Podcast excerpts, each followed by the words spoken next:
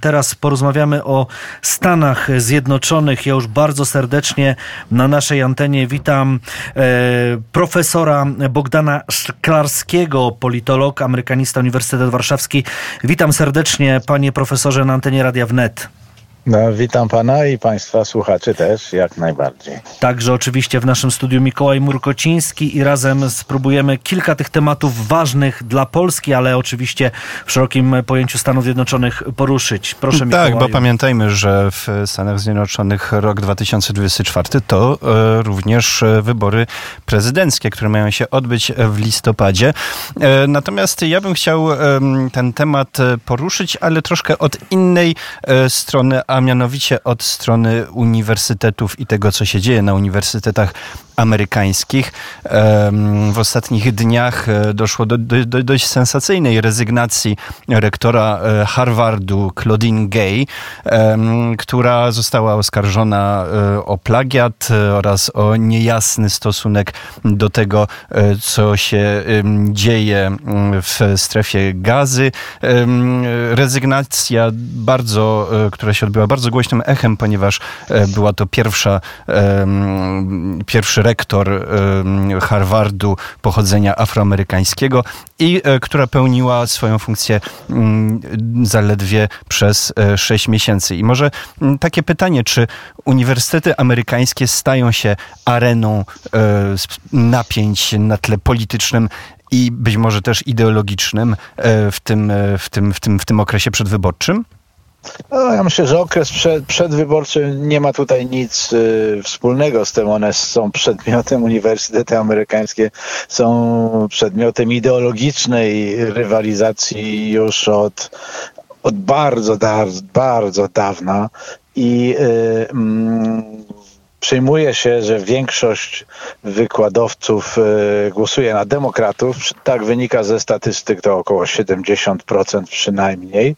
E, ma, uniwersytety mają zdecydowanie liberalne skrzywienie, które liberalne po amerykańsku, czyli lewicowe po e europejsku, co objawia się w dzisiejszych czasach tym, że należy szczególną pieczę mieć swoim, pod sobą wszelkie mniejszości i tych, którzy czują się, że są mniejszością bo to oni wyznaczają standardy poprawności politycznej na uniwersytetach amerykańskich, a one są bardzo głęboko e, znaczy spenetrowane myśleniem tego typu. I pani, pani Gay, która była krótko, jak pan sam wspomniał słusznie, krótko rządzącym rektorem Uniwersytetu Harvard, e, e, pierwszą afroamerykanką na tym stanowisku,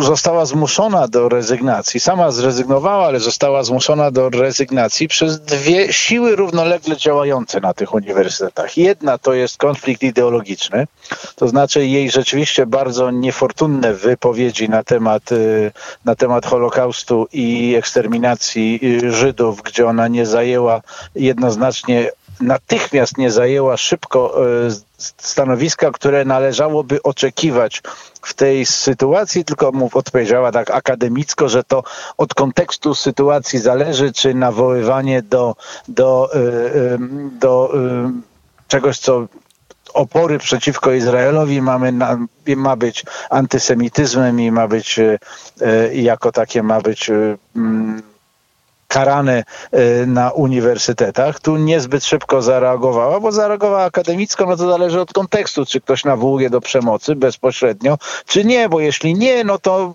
to jest to chronione wolnością słowa.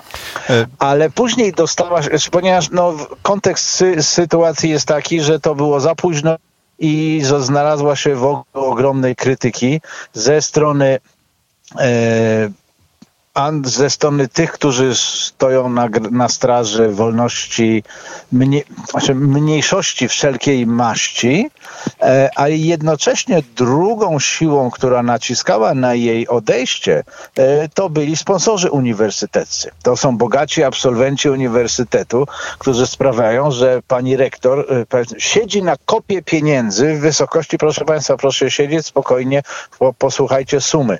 Harvard zarządza sumą 50 miliardów dolarów. to jest taka kwota, która, którą ona kontroluje, będąc rek, rektorem. To nie jest budżet coroczny, ale to, jest, y, to są pieniądze, z którego pochodzi budżet. W dużej mierze pochodzi on, pochodzą one od, od absolwentów, którzy to stwierdzili, że wypowiedzi pani Gej na temat, e, na temat Izraela, Hamasu i brak potępienia jednoznacznego terrorystycznego działania Hamasu y, no, spowodował, że oni zaczęli publicznie zastanawiać się nad ułożeniem dalszych pieniędzy na Harvard i już wczesne przyjęcia na studia, y, które to odbywają się w takim no, dużo wcześniejszym terminie niż to w Polsce się, się dzieje latem, czyli już teraz przyjmowani są pierwsze pierwsi studenci na jesień przyszłego roku zgłaszają swój akces na Uniwersytet Harvarda mhm. i 17% spadła liczba tych, którzy w pierwszym rzucie chcieliby się dostać na uniwersytet e, i to był ten drugi czynnik ekonomiczny, który, który spowodował, że musiała ona odejść, a trzeci czynnik to był taki, że mm, no, dopuściła się ona e, no, nieetycznych zachowań w publikacjach swoich. Raptem ich mała w całe życie 11 tylko, więc padło od razu podejrzenie, że została rektorem nie dlatego, że jest wybitnym naukowcem, czy e, ekspertem od zarządzania, tylko że po prostu przyszedł czas na to, żeby czarna kobieta została rektorem Harvardu. I z tego powodu dzisiaj będzie przetoczy się przez uniwersytety amerykańskie na pewno e, duża fala politycznych e, dyskusji na temat e, poprawności politycznej, akcji afirmatywnej, wspierania mniejszości i tak dalej. Panie profesorze, czy toczy się dyskusja i w jakim kierunku podąża na temat byłego prezydenta Stanów Zjednoczonych Donalda Trumpa, który zwrócił się do Sądu Najwyższego o interwencję po tym, jak Sąd stanu Colorado wykluczył go z prawyborów partii republikańskiej. A przecież on ma cały czas swoich zwolenników.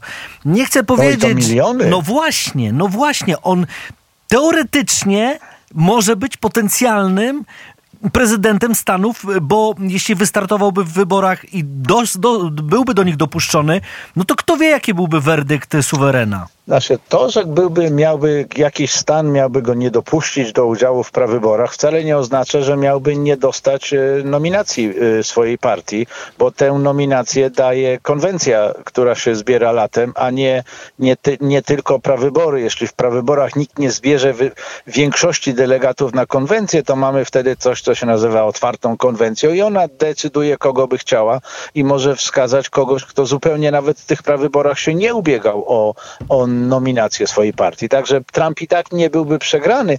Natomiast sam fakt, jeśli chodzi o walkę o nominację, nawet gdyby te decyzje w Maine i w Colorado miały się ostać y, y, w sądach, prawda? Jeśli by Sąd Najwyższy do którego w tej chwili zawędruje sprawa, y, sprawa Colorado, o, jeśli on orzeknie, że Donald Trump rzeczywiście stracił bierne prawo wy, wyborcze do ubiegania się o nominację, ponieważ nawoływał do powstania, to w skrócie tak u, u, u, ujmując, e, do czego to wykorzystuje się prawo, które zostało uchwalone po wojnie secesyjnej, które miało utrudnić powrót do polityki y, zaciekłym insurekcjonistom, czyli tym, którzy, którzy chcieli oderwania południa od Stanów Zjednoczonych i żeby im uniemożliwić powrót do, do polityki wprowadzono w ramach, w ramach 14 poprawki do Konstytucji, tam punkt trzeci, który mówi, że ci, którzy nawoływali do powstania,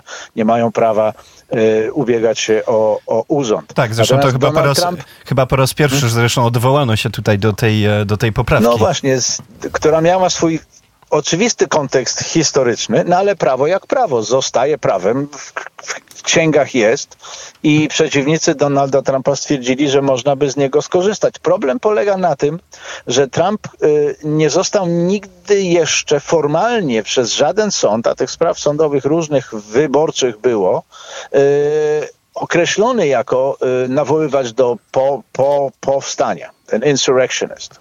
W związku z czym mamy do, do czynienia w tej chwili. By, były okazje, żeby mu to wytknąć. Była okazja, komisja 6 stycznia, tak zwana komisja 6 stycznia kongresowa, złożona w większości przez demokratów, e, również nie, nie okrzyknęła go formalnie postacią te, tego typu osobą. W związku z czym sąd Colorado i pani sekretarz stanu w, w stanie Maine, która nie jest sądowo, ale administracyjnie orzekła, że 14 poprawka do konstytucji ma zastosowanie w przypadku Trumpa i nie może on być na liście wy, wyborczej. Mhm. Ale w obu przypadkach, tak i Colorado, jak i Maine, rozumiejąc na czym polega, jak ważna jest trójpodział władz, jak ważna jest władza sądownicza w Stanach Zjednoczonych i ważne, żeby, żeby to, co się dzieje wokół wy, wy, wyborów, było legitymizowane y, poparciem społecznym, ale również w sensie prawnym, odłożyli wejście w życie tych de decyzji do czasu, gdy wypowie się sąd. I teraz czekamy na sąd sąd wyższej instancji w przypadku Colorado albo w ogóle sąd w przypadku Maine.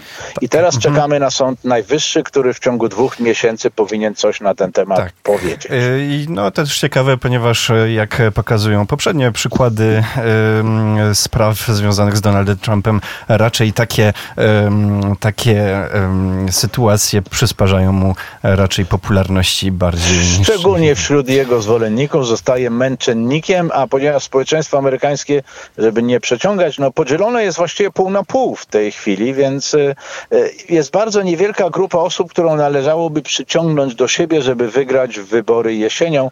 Y, tym bardziej, że Joe Biden nie no nie ma dobrej prasy, nie ma dobrych notowań i nie zanosi się nic na, na poprawę tego znaczącą na tyle, żeby z łatwością miał z Donaldem Trumpem wygrać. I tutaj dzisiaj postawimy kropkę, chociaż oczywiście do spraw e, wyborów i kampanii przedwyborczej e, czy wyborczej w Stanach Zjednoczonych będziemy wracać. E, pan Bogdan Szklarski, politolog, amerykanista z Uniwersytetu Warszawskiego, był naszym gościem. Bardzo panu dziękuję. Dziękuję, panie profesorze. Państwu. Dziękuję bardzo. Do usłyszenia.